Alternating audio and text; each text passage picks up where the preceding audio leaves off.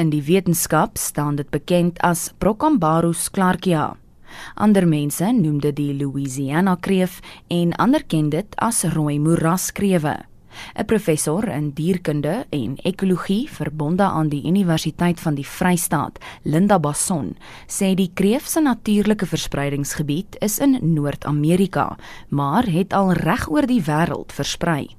Dit is egter nie duidelik hoe hulle in Suid-Afrika beland het nie. Ons weet nie hoe lank is hy reeds in die land nie, maar 1988 het professor Hendrik Skoombie hulle reeds in die Krokodilrivier naby die Dulstroom area waargeneem. En ons het geen idee hoe hulle versprei het nie. Ons vermoed hulle het die land ingekom saam met die ornamentele bedryf. En dan mense wat nie na hulle kyk nie of 'n ma wat besluit haar kind kyk nie goed na die dier nie, maar hulle wil jou dierkind doodmaak en dan gaan hulle dit in die naaste rivier op Atacol en dit is ongelukkig baie slegte rekord wat die inbring van vreemde spesies betref met hierdie ornamentele bedryf. En hulle is nou vir die eerste keer in die Vrystaat geïdentifiseer en dit is vir ons bietjie 'n rooi vlag. In die Vrystaat is daar reeds diegene wat geld maak uit die kreef deur dit na bewering op straat te verkoop.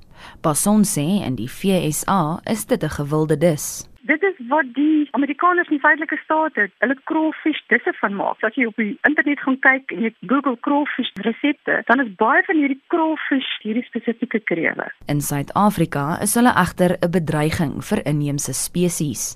Die rooi moeraskreef is onder meer die draer van 'n noodlottige kreefplaag. Nie net parasiete wat 'n probleem is nie. As ons kyk na hierdie spesifieke kreef, kry ons dat sekere dele in die wêreld het varswaterkrewe, soos byvoorbeeld Noord-Amerika, soos byvoorbeeld Australië. En die ander dele van die wêreld wat Afrika insluit, het glad nie varswaterkrewe nie, maar varswaterkrappe. As jy nou waar ons reeds varswater krappe het wat 'n baie belangrike rol vervul. Mense mag nie dink dat krappe is belangrik nie, maar hulle hou akwatiese gemeenskappe aan die gang. En nou bring ons 'n indringer spesies in. Kan dit heel moontlik inmeng met die ekologiese nut wat krappe vervul? En dit kan ons krappe bedreig. Die tweede rede is hulle is grawers. Hulle tonnel. So hulle kan verskriklike skade veroorsaak in besproeiingsstelsels, Hulle vreet makrofiete, so die groter plantmateriaal. Ons het tans wat ons van weet, vier ingevoerde varswaterkrewe in ons land. Drie van hulle kom uit Australië uit en nou hierdie rooi moeraskreef van Noord-Amerika ook.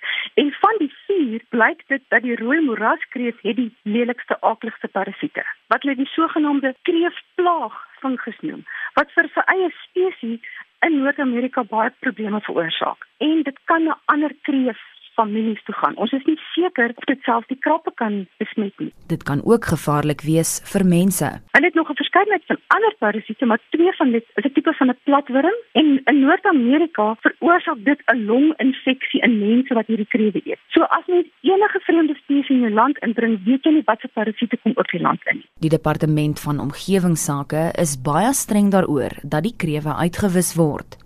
Volgens Bason is dit egter makliker gesê as gedaan. Daar is nie 'n maklike manier om hiervan ontslae te raak nie.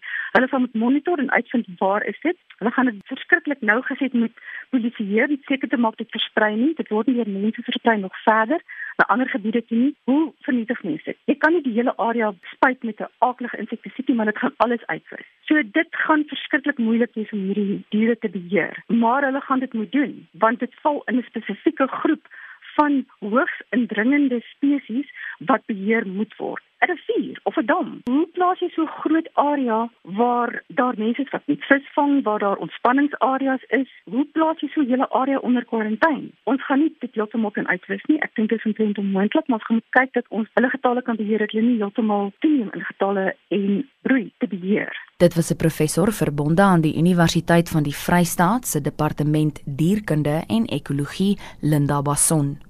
Ek is Jean Marie Verhoef vir SAK nuus.